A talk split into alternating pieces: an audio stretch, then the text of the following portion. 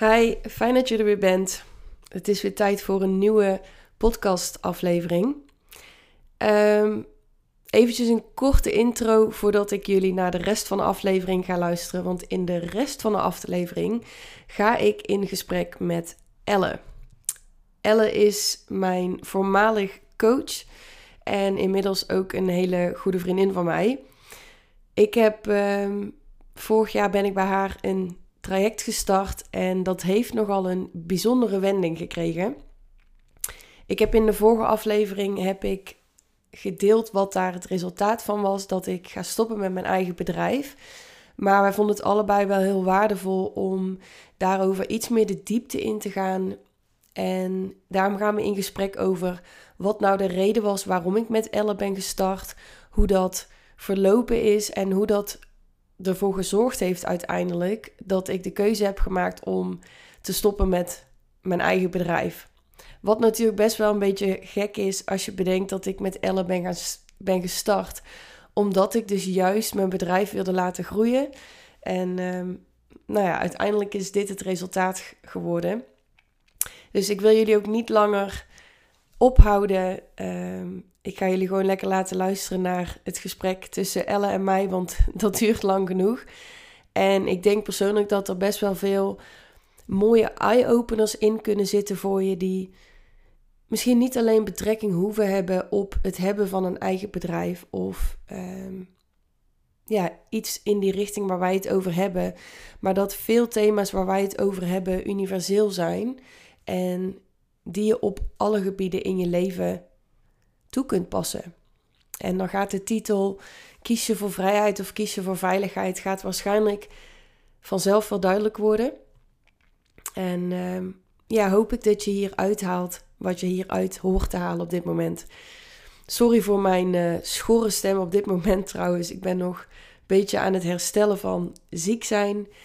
En excuses vooraf, want mijn geluidskwaliteit van mijn, uh, mijn opname is niet helemaal top. Omdat die blijkbaar via mijn oortjes aan het opnemen was in plaats van mijn microfoon. Maar daar kijken we even langsaf. Uh, hoeft niet perfect te zijn. Het gaat wat dat betreft om de inhoud. Dus uh, ja, veel uh, luisterplezier. En um, mocht je daar hierover met mij in gesprek willen of je herkent je in een van de dingen die wij in deze aflevering besproken hebben, dan kun je me altijd vinden op Instagram. Nou, welkom bij, uh, bij deze podcast. En ik heb uh, Shanna hier nu uh, tegenover me zitten. Of ja, tegenover me. Niet, niet fysiek helaas, maar via Zoom. Over twee weken? Ja, over twee weken zien we elkaar live. Superleuk. Eindelijk weer.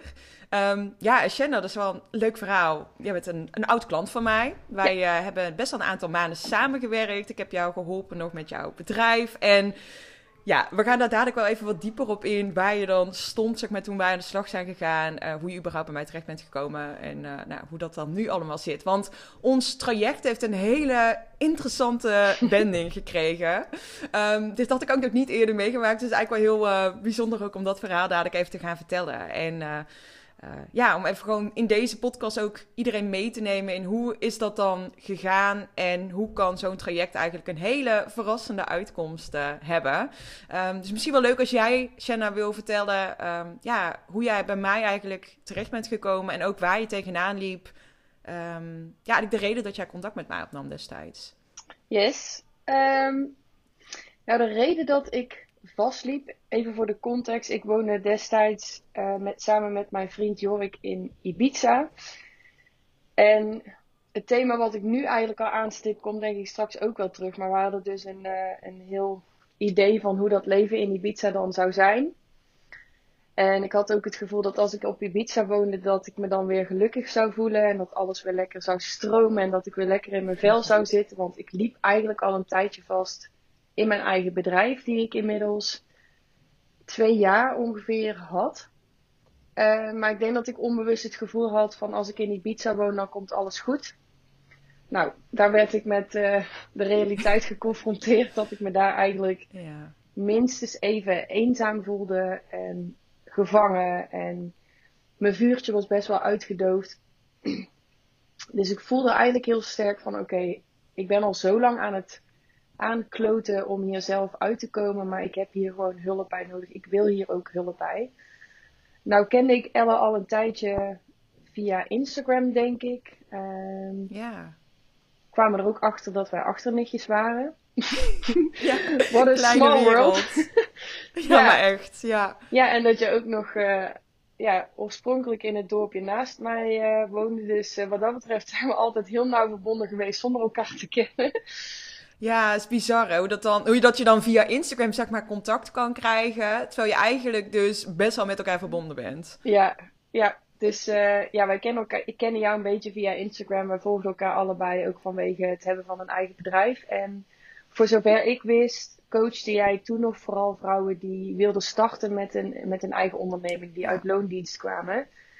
En ik vond, jou, ik vond jouw vibe gewoon heel chill altijd. Ik, uh, ik moet eerlijk zeggen dat ik zelf best wel gevoelig ben voor uh, mensen die niet authentiek zijn. En dat zijn er helaas nogal veel. Zeker op, op Instagram, ja. social media vind ik persoonlijk dat er heel veel uh, geschreeuw is vanuit, vanuit ego's. Hè? Dus heel veel elkaar naapen en beter doen en beter doen en meer en meer en meer.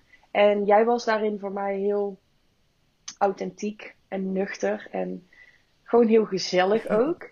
Maar ik, ik, ik ja. denk dat ik wel toen al wist dat jij ook wel echt kennis van zaken had. En uh, nou ja, er zit, er zit wel een wereld van verschil tussen hoe ik jou toen leerde kennen en nu. Ook al is dat nog niet eens een jaar geleden. Maar goed, toen had ik ja, al dat, dat blindelings vertrouwen eigenlijk in je. Want ik weet nog dat ik uh, toen het besluit nam van... Ik ga er gewoon een berichtje sturen. Ik zei dat ook echt nog zo vaak tegen Jork van... Fuck it, ik ga het gewoon doen, ik ga het gewoon doen. Zal ik het doen, ik ga het gewoon doen. Ik voelde helemaal niet Oh, financieel heerlijk, ja. de ruimte daarvoor toen. En ook het gevoel van, ja, dit is helemaal niet het goede moment. We gaan straks weer terug naar Nederland en allemaal druk, druk, druk. Maar ja, ik besefte ook, ehm er komt nooit een perfect moment. Dus ik weet nu dat ik jou toen een berichtje heb gestuurd van, hé hey Elle, hier en hier loop ik tegenaan. Ik weet dat jij eigenlijk alleen maar vrouwen helpt die uit loondienst komen, maar ik wil heel graag met jou aan de slag. En toen heb jij mij zo'n voorbereidingsformulier ingevuld met de, de prijs en zo erbij. Maar ja, ik had eigenlijk al ja gezegd voordat ik jou überhaupt Ja, gesproken had.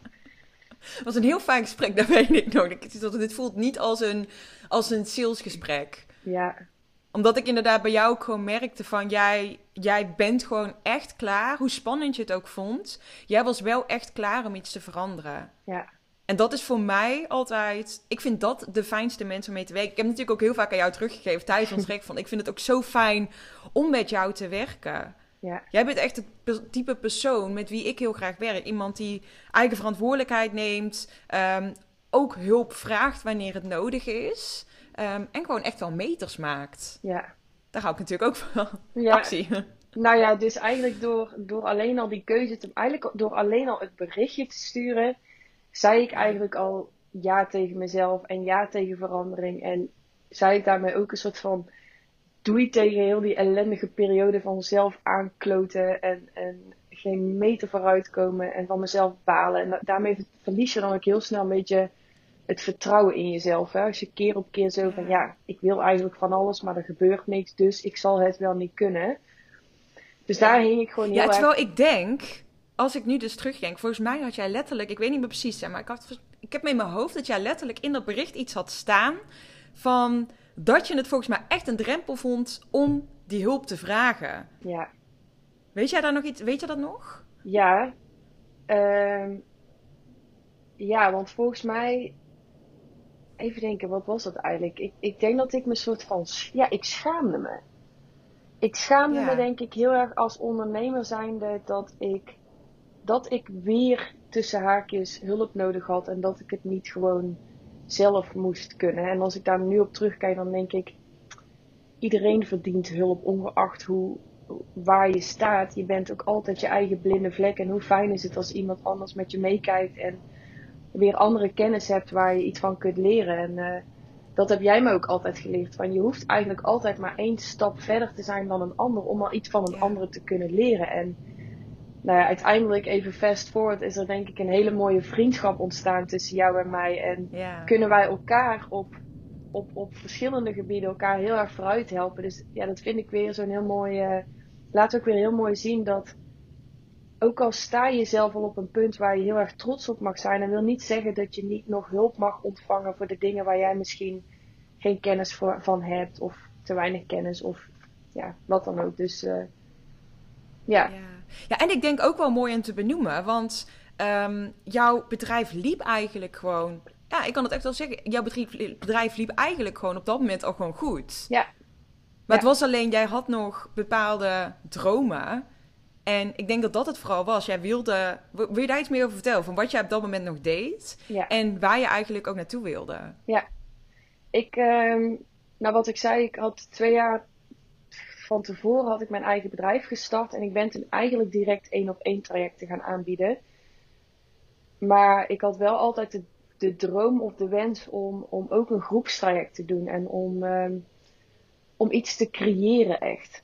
En toen ja. kende ik nog heel die termen niet van opschalen en passief inkomen. Het was gewoon heel, ja. heel onschuldig van, oh, ik wil gewoon een groepje mensen helpen, weet je wel. Of ik wil gewoon uh, iets ja. online waar mensen dan in kunnen loggen. Gewoon puur omdat ik dat echt super leuk vond.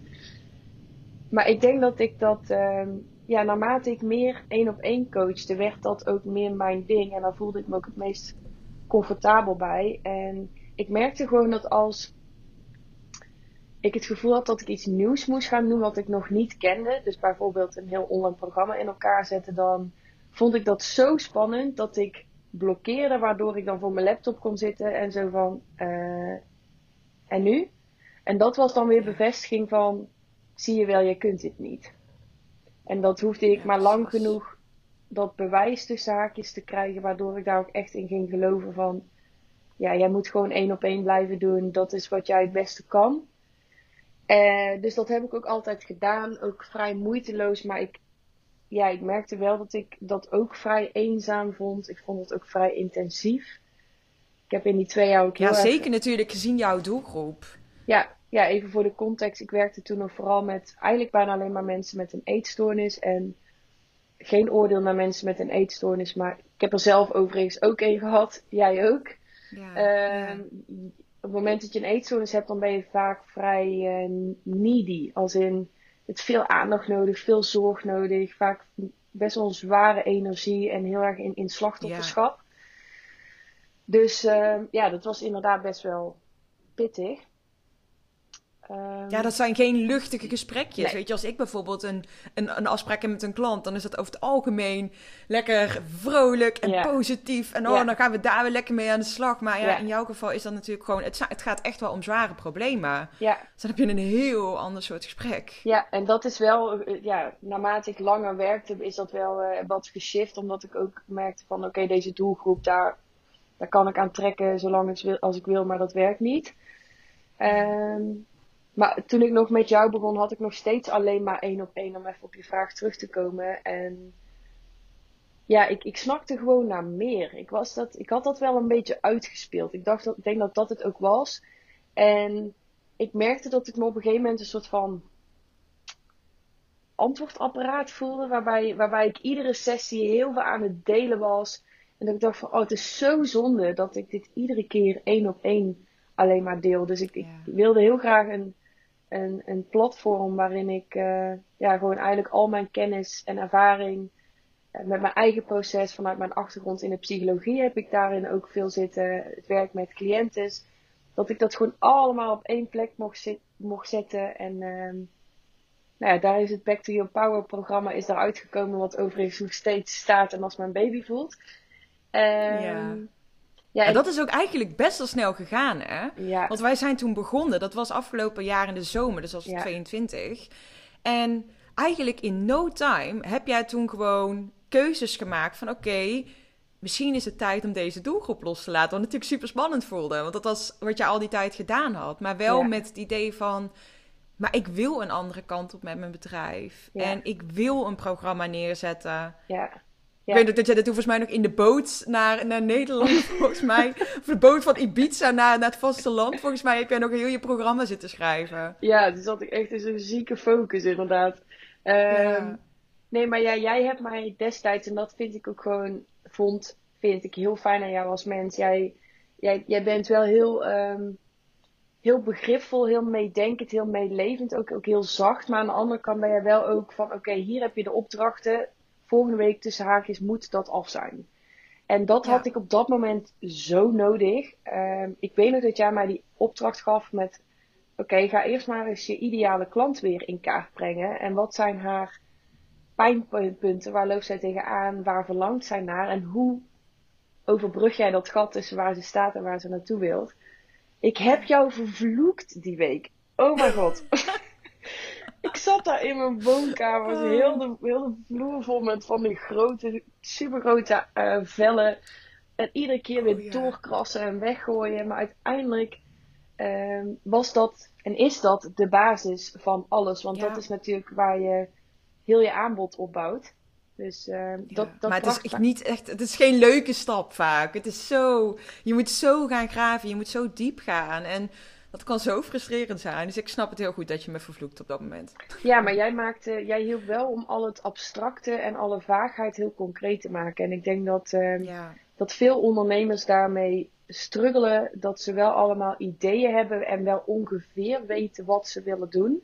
Maar als het dan puntje bij paaltje komt, dat je, dat je niet onder woorden kunt brengen wat dat dan is en voor wie het dan bedoeld is. En daar heb jij wel echt onwijs goed mee geholpen, wat mij echt heel veel rust gegeven heeft. Dat, dat was voor mij echt, uh, kreeg ik echt weer lucht van. En toen vond ik het ook weer fijn en leuk om met mijn bedrijf bezig te zijn, omdat ik echt weer zo'n gevoel had van, oh ja, dit doe ik.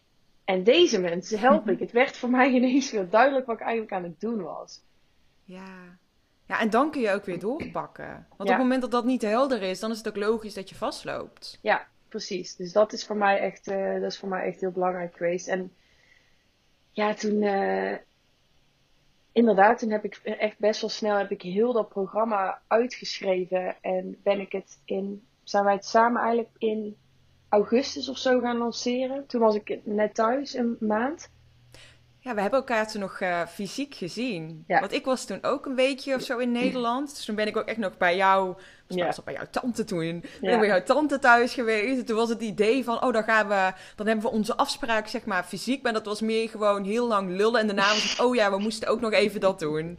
Ja, dus dat ging helemaal top. Maar, maar over, zeg maar, verkeerde timing gesproken. Ik, ik snap als mensen, misschien sommigen die dit luisteren, die ook op een bepaald punt zitten van, ja, maar het is niet het juiste moment om nou, ik had op dat moment niet eens een woonplek. En ik wist niet eens of ik in Nederland zou blijven of terug naar Ibiza zou gaan. Dus over een verkeerde timing gesproken. Nou, toen dacht ik wel, als ik dit allemaal kan, in deze timing, dan kan ik alles. Um, ja. Ja, en in september zijn wij gaan uh, lanceren. En toen draaide ik echt mijn. Nou, ik had überhaupt nog nooit gelanceerd, maar ik had alles uitverkocht voordat ik überhaupt het programma had staan. Ja. Dat was echt bizar. Ja, bizar. Toen ben ik uh, ja één keer live gegaan op jouw advies ook. En uh, ja, met de, ik, ik was daar zelf ook zo enthousiast over. Dus die, die energie was ook wel helemaal zuiver en oprecht. En uh, ik zou toen starten met een groep van maximaal tien. Nou, na die eerste live. Dat was eigenlijk, zei hij nog van ja, pel anders even hoeveel animo er is.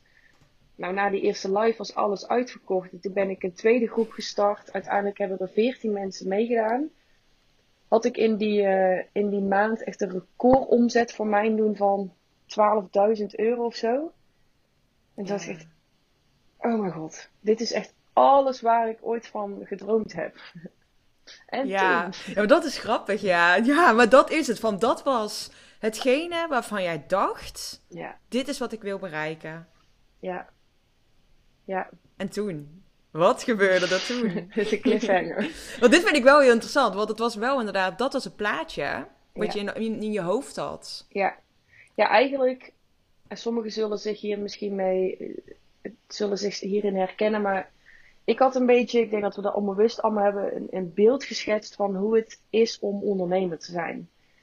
Daar hoorde voor mij eigenlijk ook werken in het buitenland bij. Dat hoeft misschien niet voor iedereen zo te zijn, maar wel wel dat idee van wow, dan ben je plaats en tijd onafhankelijk. Je kunt werken waar je wil, je kunt wonen waar je wil. Je hebt geen omzetplafond. Je kunt vakantie nemen wanneer je wil.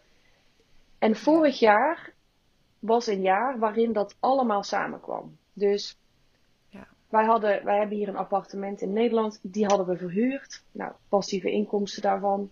We gingen op Ibiza wonen. En toen we op Ibiza woonden, konden we ook nog een week na vakantie naar Mallorca. Want kan gewoon doorwerken, super lekker. Ja. Een dikke lancering gedraaid van 12.000 euro. En echt alles zeg maar waar ik van droomde. En, en het beeld wat ik dus had van uh, what it means om een ondernemer te zijn, dat had ik allemaal. En uh, toen draaide ik die lancering en het begon er eigenlijk al mee met die omzet dat ik het, uh, het, ik kreeg het geld binnen en ik dacht ja, ik zet het geld maar aan de kant voor als ik het een keer nodig heb. En ik voelde eigenlijk toen al heel erg van deze, het, het, het euforische gevoel wat ik hierdoor ervaar, is van zo'n korte duur. Het, het vervloog meteen. En uh, ik zal niet helemaal de diepte ingaan met, met mijn proces hierin. Als je die wil luisteren, dan heb ik daar mijn eigen, ja, mijn, de aflevering hiervoor gaat daarover. Maar waar het een beetje op neerkwam, was dat ik um, eigenlijk constant terugkeerde bij een gevoel van er klopt iets niet. Nee. Dus ik had wel van die uh, momenten waarop ik me dan euforisch voelde. Bijvoorbeeld met die lancering of als ik, toen ik het traject uh, uitverkocht had. Dus er waren echt wel momenten van blijdschap. Maar ik, ik landde wel steeds op zo'n punt van, ja en nu? En, en, en dan? En uh, ja, wat ik net zei van, er klopt iets niet. En ik kon daar niet goed ja. bij wat dat was. Dus daar heb ik ook met jou heel veel over gebrainstormd. We hebben ook gedacht vaak van misschien mag jij wat meer of mag ik wat meer afstand nemen uit mijn bedrijf. In die zin dat ik dacht van oké okay, ja, bij ondernemer zijn hoort ook het opschalen. En uh, eigenlijk wat jij nu zo mooi doet hè, met masterclasses, passief inkomsten genereren. En uh, ik dacht van ja, dat is het. Ik ben gewoon te veel ja. Betrokken. Ik moet gewoon nog meer afstand nemen, nog meer gaan automatiseren. Dus we hebben ook een heel plan gemaakt toen voor januari. Grappig was dat ik in de kerstvakantie had ik een weekje vrij. Heb ik ook echt ben ik overgestapt van zakelijke bank. Ik ben overgestapt van betaalpartner. Ik ben overgestapt van boekhoudprogramma. Allemaal met het idee van. Oh ja. Dan gaat het allemaal nog groter en professioneler gaan we het aanpakken. Ja, ja. Oh, dus pas een maand geleden. Maar als ik daar nu naar terugkijk, dan denk ik ergens van, oh. Ik zeg van, oh schatje, weet je, ja. je weet je, gewoon aandoenlijk, maar ook wel een beetje sneu dat ik mezelf zo, ik zag mezelf zo hard proberen om het, om, ik denk dat gevoel wat ik hoopte te bereiken van ondernemer zijn, dat ik dat probeerde te behalen van, ja, maar als ik ondernemer ben, dan, dan, dan, dan moet het toch allemaal kloppend voelen, dan zou ik toch gelukkig moeten zijn. En ik denk dat ik niet heb durven erkennen dat ik dat met, met, met veel momenten niet was. Ja, precies. En, en dan wordt het heel erg geforceerd, hè, van ik moet dit ervaren, want dit is normaal. En ik denk dat dat hetgeen is wat ook zo lastig is aan ondernemers zijn in deze tijden. Dat er zo'n beeld geschetst wordt online van dit is wat het inhoudt. En ook het stukje bijvoorbeeld, ja, ik kan daar helemaal over meepraten. Het wonen in het buitenland. Ik woon zelf op Kreta, Griekenland. Nog iets wat we natuurlijk gemeen hadden. Jij wat, zat toen op Ibiza en ik hier op Kreta. Allebei op ons eilandje. Helemaal gelukkig te zijn, 100% van de tijd. Want ja, dat hoort natuurlijk zo als uh, digital nomad zijnde. Ja, en lekker um, zee nou ja, je problemen. Ja, maar weet je, dit is, je problemen neem je gewoon mee. Het maakt niet uit. Ook al ga je naar het buitenland, die problemen neem je mee naar het buitenland. En het hele beeld van oh, als ondernemer en dan heb je dit en dan heb je dat. En we zullen daar nog wel wat dieper ingaan dan op hoe ik het dan ervaar. Maar ik ervaar wel heel erg ook het stukje, het beeld wat geschetst wordt als ondernemer zijn. En dat er vaak zo'n eenzijdig beeld gegeven wordt van uh, wat het inhoudt en uh, welke dingen en welke verantwoordelijkheden er ook bij komen kijken. En dat dat ook niet bij iedereen past. En ja. um, dat het, ja, dat niet iedere vorm van ondernemen voor iedereen geschikt is. Of überhaupt dat je dat niet hoeft te ambiëren. Ik denk ook dat dat het heel erg is. Dat is een mooie. Misschien, ja, je hoeft niet op te schalen. Je hoeft niet. Ik hoorde laatst ook weer over prijzen die gevraagd worden. Dat ik echt dacht van, nou Volgens mij was dat 10.000 euro per maand. Ach. Dat ik echt dacht van, nou, sorry. Ik vind, en dan op een gegeven moment had ik ook nog iets van... 5000 euro per maand voor een groepstraject. Dat ik echt dacht, nou sorry, daar ben ik gewoon, daar sta ik gewoon zo niet achter. Ja, ik- Ehm, ik zie jouw hoofd ook echt zo van, wat? ja, dat Ja, echt, ik, ja. ik lach ermee, maar eigenlijk huil ik ermee. Ik vind het echt eh, bizar. Ja. Ja, en ik denk op het moment dat we dat allemaal maar zo zien online, van dit is ondernemen, je moet high-end werken, je moet dit, je moet passief inkomen hebben, je moet... En ik denk dat dat het is. We moeten helemaal niks. Ja. We mogen vooral kijken, waar halen we voldoening uit? En ik denk dat dat voor jou eigenlijk ja, dit jaar gewoon, begin van het jaar, echt een, een heel inzicht kwam van, ja, wat, wat wil ik nu eigenlijk? Ja. ja, want dat is eigenlijk wat er dit jaar is gebeurd. Ehm, ook omdat ik zelf gespiegeld werd door anderen die soortgelijke beslissingen namen, waardoor ik gewoon in mezelf merkte: oké, jij hebt iets aan te kijken. Ehm, maar om even een lang verhaal kort te maken, ik durfde eindelijk te gaan kijken naar de lasten die ik ook ervaarde van het hebben van een eigen bedrijf.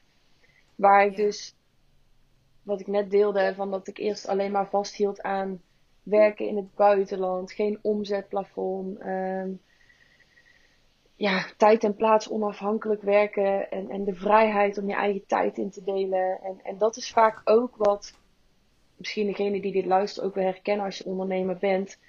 De mensen die geen ondernemer zijn, die zien dat ook alleen maar. Hè? Die, die, die hebben vaak ook de neiging om dan eh, dat te benoemen van ja, maar jij kan lekker uitslapen. Ja, maar jij kan zoveel verdienen als je wil. Ja, maar jij kan vakantie nemen. En dat klopt allemaal, maar er is, net als bij alles, er is altijd een prijs die je betaalt. En er is altijd Ja. de andere kant van dezelfde munt.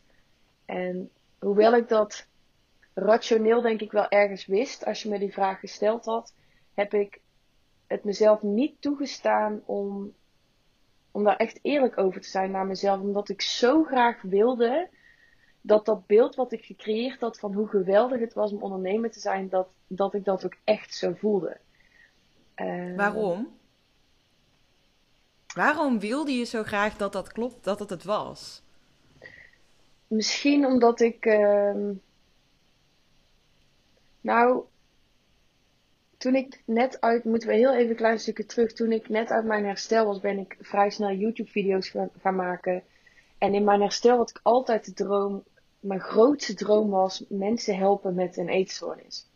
Ik had Ja. natuurlijk ook psychologie ge- ges- gestudeerd. Dus het was een beetje een, een, een logisch verhaal geworden. Dat Ja. dat was hoe mijn leven eruit ging zien. Dat was jouw pad. Dat was Ja. mijn pad. En ik heb nooit een ander pad voor mogelijk gehouden. Dus dat was een beetje Ja. mijn wereldbeeld tussen haakjes van...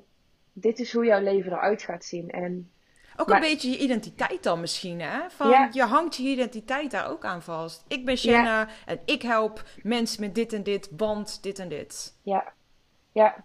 En ook, wat daar ook nog bij komt kijken is... Ik, ik heb een vriend, Jorik, en die heeft vorig jaar maart... heeft hij ook zijn vaste baan opgezegd als bedrijfsleider in de horeca. En die is eh, fulltime gaan traden. Dus met crypto, bitcoin, de markt zeg maar. Oh ja.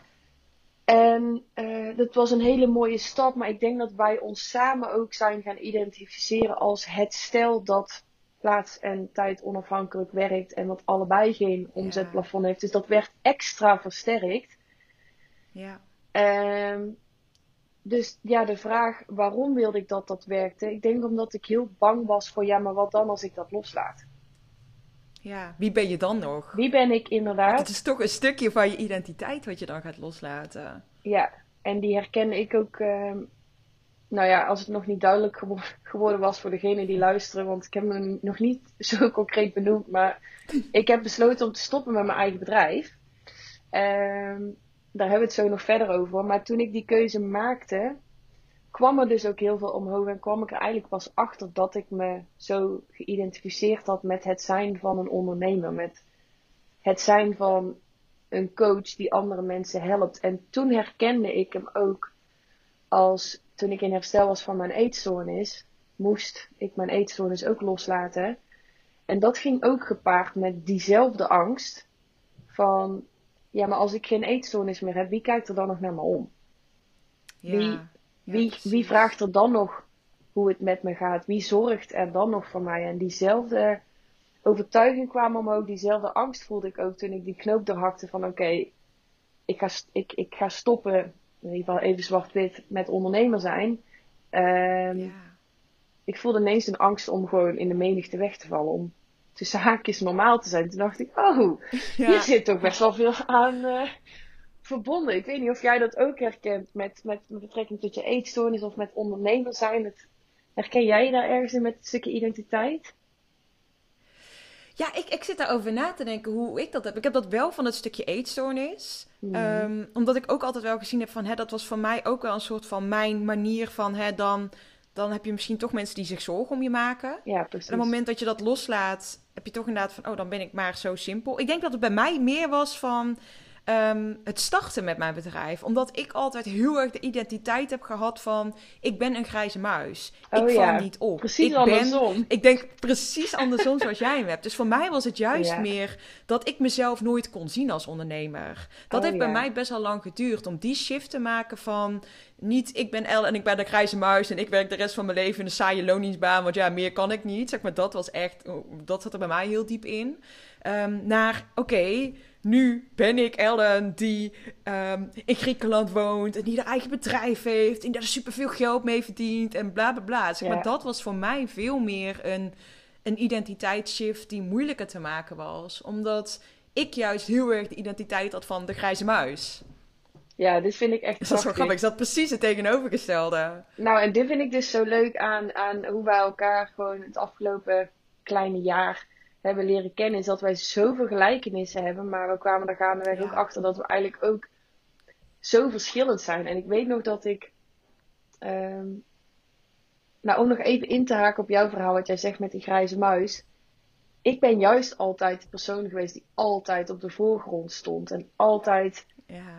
aandachtsgel was. En ik zal niet zeggen dat ik dat nog steeds niet een beetje ben, maar eh, ik was wel altijd de gekkie van de groep, weet je wel, de gangmaker. En eh, Ja. dat gaat dus ook gepaard met in de belangstelling staan en, en, en een eetstoornis hebben, ondernemer zijn. Jorik en ik hebben een, een open relatie. Ehm, dat, dat hangt wel allemaal een beetje onder, hetzelfde, onder dezelfde paraplu eigenlijk van outstanding zijn.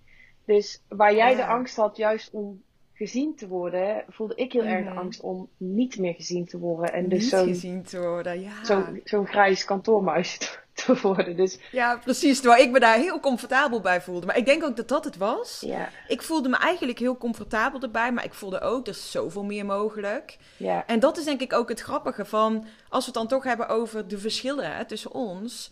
ehm, de dingen die jij eigenlijk helemaal niet fijn vond aan ondernemer zijn. ja. Dat zijn dan weer juist de dingen die ik fantastisch vind. Ja. Kun je daar iets over delen? Van wat zijn nu echt de dingen voor jou waarvan je echt dacht, ja, dit zijn echt de aspecten van het ondernemerschap waar ik gewoon echt niet, niet van hou. Wat ik Ja. gewoon echt, waar ik gewoon echt niet op aanga. Ja, ik vond dit ook heel grappig dat dit, eh, dat dit ter sprake wa- kwam toen ik jou vertelde dat ik ging stoppen. Dat deed ik ook echt met mijn staart tussen mijn benen alsof Oh, ik voel me zo stom. ja. Maar goed, Ja. toen, eh, toen ik dus deelde waarom, toen was dat voor jou volgens mij ook best wel zo'n moment van inzicht. Zo van, oh wow, niet iedereen is zoals ik. Niet iedereen Ja, vindt het precies. fantastisch om gewoon hermit-modus thuis alleen maar achter de laptop te zitten. Ja, ja. Ehm, ja, wat, waar ik tegenaan liep, en ik moet wel zeggen, veel dingen zijn niet, zeg maar, niet op te lossen. Dus een van de dingen is bijvoorbeeld, ik ben een, ik ben een extravert persoon. Ik ben eigenlijk een heel sociaal dier. Met de juiste mensen laat ik juist op. En Ja, precies. de afgelopen 2,5 jaar heb ik voornamelijk gewoon achter mijn laptop gezeten, gezeten thuis. Weliswaar met Jorik in huis. Maar niet echt onder de mens. En Ja. ik dacht dus dat ik dat heel prettig vond. Maar ik ben er dus voor mezelf echt achter dat ik dat dus helemaal niet prettig vind. En dat ik daardoor eerder in een beetje depressief is een groot woord. Maar dat ik wel een soort van mijn eigen sleur terechtkom. Terwijl als ik onder de mensen ben en ik gewoon lekker kan kletsen. En eh, als ik denk aan collega's hebben, dan word ik daar heel blij van. Oh god, ja, dat heb ik dus letterlijk het tegenovergestelde. Als ik denk aan collega's, dit is trouwens echt als mijn oud-collega's dit luisteren, echt no offense naar jullie toe. uh, maar ik had echt, ja, ik vond, ik werk met collega's, vind ik het ergste wat er is. Op kantoor moeten zitten, me omringen met mensen. Ja, ik ben dus echt een introvert. Ik ben heel sociaal, maar ik wil eigenlijk gewoon 90% van de dag gewoon lekker alleen gelaten worden. Dus laat mij inderdaad lekker thuis zitten met mijn laptopje, met niemand om me heen. Daar ga ik heel goed op. Maar ja toen jij dat inderdaad zo zei, dacht ik echt, oh ja, inderdaad, niet iedereen is zoals ik. Ja, ja ik vond dat ook zo mooi om, uh, om dat verschil dan weer tussen ons te zien. En uh, ja. Uh, ja, waar ik nog meer tegenaan liep was juist, en dat is denk ik met alles, hè, dat, dat, dat een, een positief punt van iets kan aan de andere kant ook weer de grootste valkuil de zaakjes zijn, of de grootste uitdaging, laat ik het zo zeggen. Dus waar ja. bijvoorbeeld iets wat heel mooi is aan een eigen bedrijf hebben, is dat je geen omzetplafond hebt. Maar aan de andere kant vond ik het dus juist een, een, een burden worden om constant voor mijn eigen omzet te zorgen. Ja, en precies. Wat, waar ik aan het begin zei van hè, heel veel dingen zijn op te lossen. Natuurlijk, je kunt passief inkomsten genereren, je kunt dingen opschalen, je kunt advertenties inzetten en ook met hè, eenzaam zijn. Ik weet dat je naar kantoor kan, dat je Snap je? Dus die coworkspaces. Ik weet dat het er allemaal is. Maar dit is even hoe ik het ervaren heb. Dus uh, ik ervaarde constante druk. En een gevoel van onzekerheid. En daarmee ook een gevoel van onveiligheid. Dat ik weer terug naar de tekentafel moest om te bedenken: oké, hoe ga ik nu weer geld verdienen? En ja, precies. Ik ben heel gevoelig voor druk. Als ik een beetje stress ervaar, dan schiet ik best wel snel op slot. En dat is natuurlijk mm. finest voor creativiteit. Waardoor ik eigenlijk in een, in, in een vicieuze cirkel vaak terecht kwam. Want dan voelde ik druk om inkomen te moeten verdienen. Waardoor er dus zo'n lading kwam te liggen op juist hetgeen wat ik het liefste deed. Dus het delen, inspireren. Er kwam niks meer uit mijn vingers. Maar ja, dat was wel hetgeen waar ik mijn brood mee moest verdienen. Dus er waren heel veel momenten waarop ik die niet voelde, omdat ik dan een aantal één op één trajecten had lopen. Zeker in, in tijden van een, lancering, dan, dan zat het met de financiën allemaal helemaal goed. Maar in van die overgangsfases, waarbij zeg maar één op één trajecten afliepen of zo, of um, ik had het traject dan gelanceerd en ik wilde dat dan weer in een andere mal gooien, dan daalde mijn omzet weer en dan voelde ik toch weer die financiële onzekerheid. En tot op een bepaalde hoogte heb ik daar de afgelopen 2,5 jaar wel mee kunnen dealen. Ik denk dat dat ook een heel groot stuk in jezelf zit. Hè? In welke mate ervaar je onzekerheid? Maar ik heb natuurlijk ook een vriend die ook geen vaste inkomstenbron had. En we hadden wel natuurlijk gewoon hypotheek en vaste lasten en zo te betalen. Dus uh, het begon ons beiden een beetje te benauwen. En uh, laat ik zeggen, het, het, was een optelsom van alles. Dus het was niet alleen maar die financiële lasten dus we hebben dus de, de werkplek, hè, de eenzaamheid die ik heel sterk voelde. En daarmee een beetje in mijn eigen sleur terechtkomen. Um, de financiële onzekerheid. Maar ook in mijn geval, in hetgeen wat ik doe, een stukje verantwoordelijkheid dragen voor iemands proces. Ik, ik, ik, ja, ik werkte best wel vaak met heftige thema's en um, ja, ik, ik, ik, ik was er een beetje klaar mee eigenlijk om, om iemand te dragen. Om iemands problemen aan te horen. Om, om die op te vangen als het ware. En ik voelde gewoon steeds minder ruimte om echt terug te kunnen geven. En, en om vooral ook mijn eigen energie hoog te houden. En ik ben, uh, ik ben niet per se Little Miss Sunshine glas altijd half vol. Ik moet best wel ooit best doen om uh, lekker in mijn vel te blijven, mijn eigen energie te bewaren, uh, te bewaken ook. En om uh, niet beren op de weg te zien, maar vooral ook wat er allemaal goed is. En dat lukt eigenlijk hartstikke goed. Maar als ik constant in, aan het werken ben met mensen die hmm. negatief zijn, of negatief denken, of een zware energie hebben, dan, dan merkte ik gewoon dat ik, dat ik heel veel moeite moest doen om bij mezelf te blijven. En uh, simpel gezegd had ik daar gewoon geen zin meer in. Dat herken ik ook hoor. Ik heb het in het verleden ook gehad. Toen ik net met mijn bedrijf startte, coachte ik ook eigenlijk echt op mindset. En toen ben ik er ook al wel, wel vrij snel achter gekomen van dat is niet mijn ding. En daar ligt ook niet helemaal mijn kracht. Ik ben heel erg ook van de actie en juist lekker praktisch. En wel altijd een combinatie van. Ehm, maar ik vind het juist bijvoorbeeld leuk om met mensen veel meer te gaan kijken van net als nu. Dan ben ik webinar-expert. Ja, dan ga ik met mensen gewoon daadwerkelijk in een korte tijd een webinar neerzetten. En dat allemaal uh, automatiseren, opschalen. Dat zijn dingen die ik vet vind om te doen. Maar laat mij niet een half jaar met iemand één op één werken en de zware thema's in het leven bespreken. Want eigenlijk heb ik dat wel ook wat jij zegt. Van ik, ik vind het soms al een, een, een struggle om mezelf, zeg maar, gewoon lekker goed en positief. Uh, ja, dat, dat vind ik ook wel mooi, weet je. Dat is natuurlijk ook zo. Dat, um, dat je als ondernemer natuurlijk vaak, zeker als je op social media veel deelt. Uh, ik vind dat jij dat ook altijd echt zo mooi doet. Gewoon het stukje eerlijk en oprecht laten zien wat het echte plaatje is. In plaats van alleen maar het perfecte plaatje laten zien. Ja.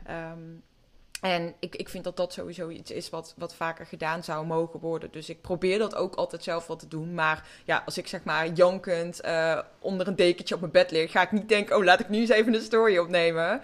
Um, maar ik, ik, ik weet dus ook voor mezelf van ja, ik, ik wil juist werken met mensen die, um, die ook lekker enthousiast en positief zijn. Maar dan is het dus natuurlijk bij mij ook zo. Ik heb ook een doelgroep bij wie dat kan. En in jouw geval had je natuurlijk wel echt. Ik denk dat dat ook het lastige was. Je had zeg maar wel heel veel affiniteit met je doelgroep.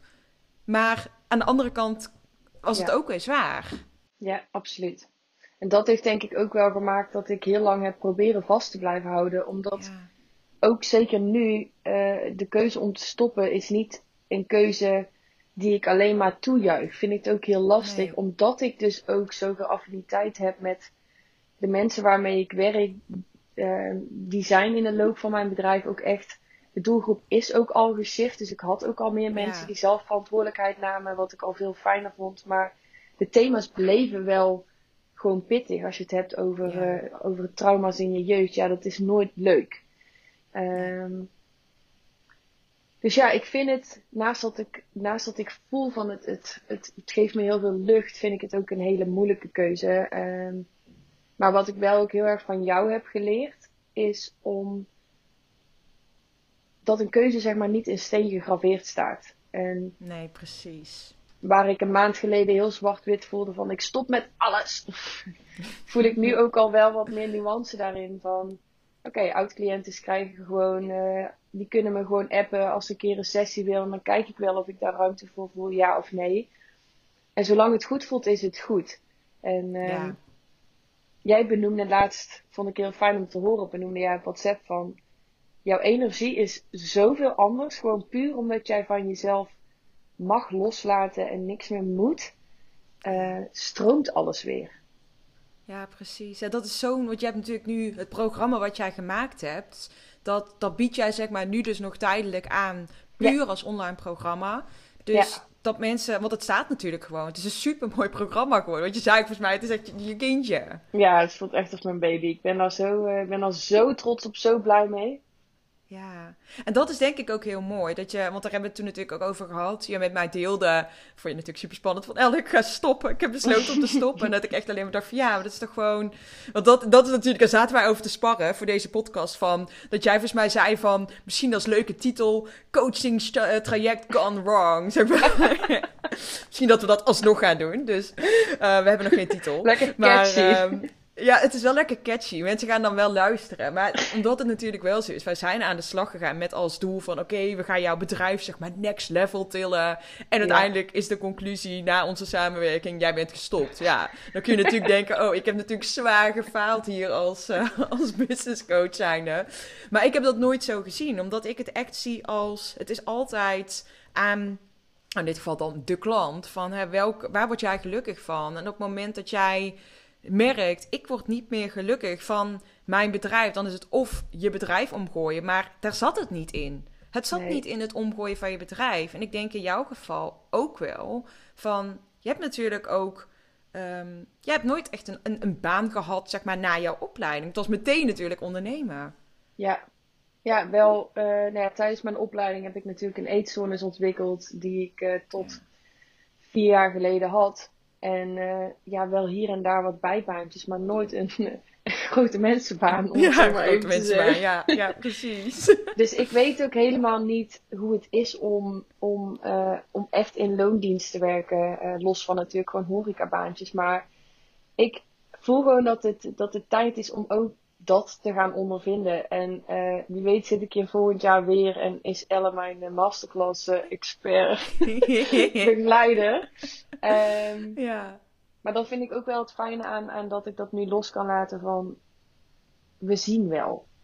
Ja, um, maar ik ben wel benieuwd, want ik vind het dus ergens wel ook heel erg lef hebben. En dat siert jou dus ook heel erg, vind ik, als, als mens, maar ook als. Ja, nou moet ik je eigenlijk geen coach meer noemen, hè? Nee, nee, ik noem mezelf geen coach meer sinds een paar maanden. Dat is echt pas letterlijk uh, sinds een paar maanden. Ja, dus ik jij, mag mij, jij mag mij coach noemen, want ik, ik was jouw coach. Oké, oké. Vooruit. Nou, ik Jij vind het siert je dus ook als coach. Dank je. dat jij, uh, dat jij dit ook wel bijvoorbeeld deelt in je podcast. podcast. Want als ik eerlijk ben, dan. En eigenlijk doen we dat allemaal, hè? Het, het, het beste van onszelf laten zien. Ik probeer het juist minder te doen, maar stiekem laten we allemaal, zeker op social media, het, het- de leukste dingen uit ons leven zien. De mooie plaatjes, de leuke vakantiekiekjes, de foto's met de beste angles. Maar Ja. ook delen we als ondernemer zijn al- bijna altijd alleen maar de goede resultaten Ja, precies. de resultaten die potentiële klanten, als we het even weer een beetje over de business hebben, die zij willen zien. Dus Ja. ik vind het wel heel mooi dat jij ook dit durft te delen, dat ik een ex-klant ben die gewoon stopt. Ehm, Ja. ja, want dat is het, hè. Je kunt ervoor kiezen om een gedeelte te laten zien. Dus dat we zeggen, oké, ja, Shanna is een klant van mij. En eh, in no time zijn wij doorgegroeid naar een 12k lancering. Woehoe! Ja. Ja. weet je, dat is ook zo. Maar Ja. dat is natuurlijk wel maar echt één kant van die medaille. Want daarna was het inderdaad, hè, het is echt wel anders gelopen. ja. Maar ik denk ook dat dat het is. Dat dat dan. ehm, dat, dat is niet falen van geen enkele kant. Dat is niet opgeven. Dat is gewoon puur de keuze maken. Het past nu Ja. niet meer. En ja, ik, ik snap heel goed ook dat jij ook benieuwd bent. Hoe is het überhaupt? Hoe zou het zijn als ik een, een baan zou hebben? Een fulltime Ja. baan bijvoorbeeld. Of hè, je gaat nu natuurlijk nog naar het buitenland. Ehm, Ja. Ook echt heel vet trouwens. Ja, je gaat lekker op reis. Maar gewoon allemaal ervaringen weer opdoen. Waar Ja. je nu ook weer de ruimte voor voelt. En ik denk dat dat het ook is. Misschien is dat ook een mooi om dadelijk rustig aan mee te gaan afronden. Anders zitten we daar weer drie uur te lullen. Ehm, dat, het, dat het dus ook gewoon oké is om, ehm, om van gedachten te veranderen. En los te dat laten. los te mogen laten. En dat ondernemen misschien ook niet voor iedereen is. Of Ja. niet in ieder moment in je leven past. Ja. Nou, ik denk eigenlijk nog veel breder dan dat. Dat ehm, als wat ik straks deelde over dat verhaal dat je dan ergens van hebt. Stiekem hebben we allemaal een bepaald beeld geschetst van iets. Of dat nou is dat je bijvoorbeeld je bacheloropleiding hebt gedaan en dat je daarna een master gaat doen en dan ga je als advocaat aan het werk. Of Ja. je start als ondernemer en zo zie je heel je leven voor je. Of je ontmoet een jongen of een meisje, je krijgt daar een relatie mee en je gaat trouwen, je krijgt kinderen. Onbewust heb je vaak een concept in je hoofd van hoe iets eruit gaat zien of hoe iets eruit zou moeten zien. Ja. Maar waar dat misschien in eerste instantie in lijn lag met wat jij toen wilde of wat jij toen verlangde, is niet per se dan de garantie dat dat op die manier met jou meegroeit. En Nee. Ehm, ik denk dat dat ook de, de uitnodiging is en wat we mee willen geven aan degenen die luisteren, is dat je ten alle tijden ehm, bij jezelf in mag checken en even letterlijk en figuurlijk om je heen mag kijken van hoe ziet mijn leven er nu eigenlijk uit op verschillende gebieden. Denk aan je liefdesrelatie, je vriendschappen, je werk, je woonplaats. En om jezelf de vraag te mogen stellen van is hoe mijn leven er op dit moment uitziet, is dat nog, ligt dat nog in lijn met mijn werkelijke behoefte? En dat je ten alle tijden de toestemming hebt om daarin iets te mogen veranderen. En Ja. weet dat dat in jezelf en buiten jezelf veel weerstand waarschijnlijk op gaat roepen. Hmm. Maar dat Ja. dat niet betekent dat je het niet moet doen. Ehm, Ja, precies. Ik denk ook dat dat het is, ja. zeg maar, dat we, dat, we, dat we heel erg, zeg maar, dan een plaatje in ons hoofd kunnen hebben. En eigenlijk precies wat jij het straks ook zei van, Nou, toen had ik zeg maar die omzet. Toen had ik die Ja. lancering. En eigenlijk had ik helemaal niet lang die voldoening daarvan. Ik weet nog de eerste keer dat ik een, een 10k maand draaide, was ik teleurgesteld. Want ik wilde eigenlijk dat het meer was. Dus ik dacht, in plaats van Ja. stil te staan bij, wow, je hebt iets bereikt wat je super graag wilde, was het weer, het is niet goed genoeg. En ik denk vooral ook het heel erg leren genieten van een reis. En ehm, wat jij ook echt precies, dat, wat je zegt inderdaad, van het, het oké zijn met het bijstellen van je dromen en doelen. En altijd kijken, is het nog wat ik wil? En als het Ja. antwoord nee is, dan vergt dat misschien een hele spannende keuze. Ehm, maar dat is dan wel de keuze die je mag maken. Ja, en, en durf erop te vertrouwen dat dat onderbuikgevoel wat je hebt. Misschien is dat een heel zacht stemmetje, misschien is dat een heel luid stemmetje, dat dat, dat het antwoord is. Ja. Ehm, en dat je, ehm, ja, gewoon, dat is een ding, je, je mag gewoon loslaten. En dat is super spannend, maar eh, als je vastzit, dan is het enige wat je kan doen, is weer in beweging komen. Dus eh, mocht je dit luisteren en al langere tijd of sinds kort het gevoel hebben van, eh, ik zit vast of er klopt iets, niet meer in mijn leven, maar ik weet niet goed wat. Ga dan eens gewoon even kijken naar die thema's, die gebieden in je leven. En voel voor jezelf of daar op, op sommige gebieden of in één gebied of het daar niet meer helemaal kloppend is. En ja, vraag jezelf altijd wat, wat je nodig hebt dat het wel weer kloppend voelt. En eh, ja, of dat nou in mijn geval een heel bedrijf loslaten is. En geloof me, mensen waarmee ik gepraat heb, die hebben naar aanleiding van mijn besluit hetzelfde besluit genomen. Maar ook Ja. jij, hè, Elle, dat je je bedrijf als het ware, jouw identiteit als coach heb je ook losgelaten om nu als, als masterclass expert eh, aan de gang Ja. te gaan. Dat is ook een beetje hetzelfde proces. Ja, dat was ook gewoon een hele spannende. Want ik heb natuurlijk altijd Ja. mezelf wel neergezet als... oké, ik help vrouwen die een bedrijf willen starten.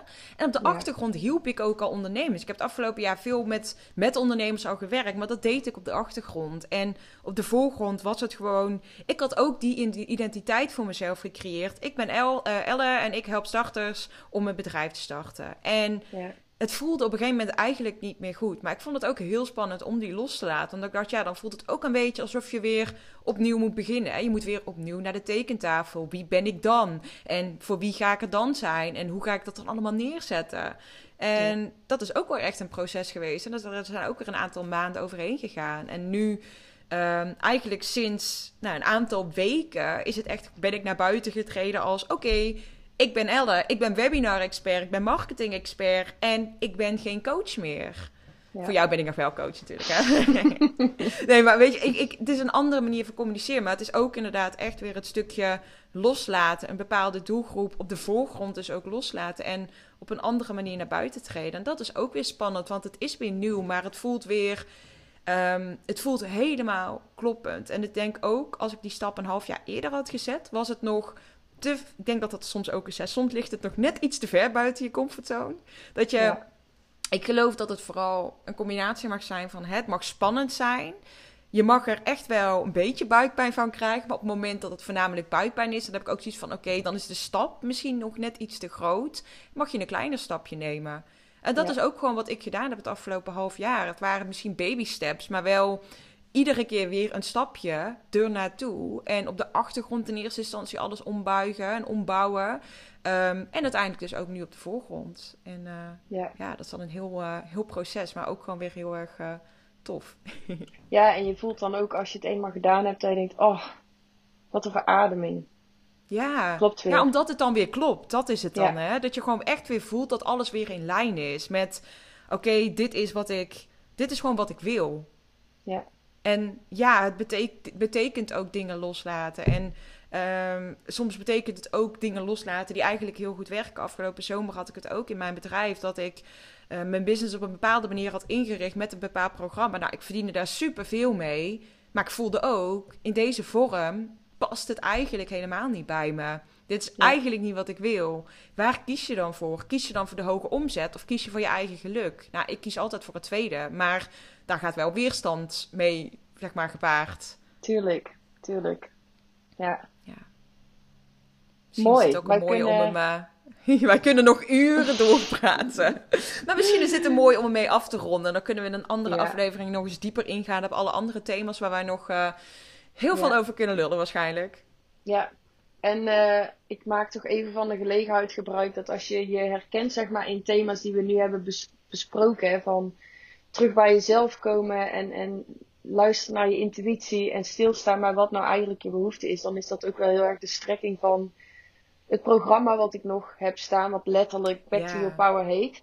Dus eh, mocht je daar iets over willen lezen, dan eh, staat er een linkje in de beschrijving. En eh, wie weet dat dat op dit moment in jouw leven wel in lijn ligt met jouw behoeften. Ja, precies. Heel mooi programma heb je neergezet. Ja. Noem nog even je Instagram, dat is handig. Oh, Waar kunnen mensen jou Instagram vinden? is, eh, ik moest gewoon Voor mijn luisteraars. Channelavrijse.nl Eh, nee. Zonder de .nl. Het Channel. At channelavrijs. Ik eh, schrijf hem er maar gewoon onder. Dan gaat het ook We zetten hem even in de show notes van de podcast. Ja. Nou, ehm, was leuk. Dankjewel. Ja, was gezellig. Voor het, voor het hele fijne traject. Ik denk dat mijn, mijn ehm, dankbare woorden dat die wel eh, ergens terug te horen of te lezen zijn straks. Want Ja, die heb ik eh, genoeg gegeven. Een hele mooie review mogen ontvangen. En gelukkig gaan wij gewoon lekker door als eh vriendinnen. Ja, wij zien elkaar Ja. over twee weekjes. Yes. Nou, dan gaan we lekker afronden hierbij. Ja. Dankjewel voor het luisteren en Ja. tot de volgende weer.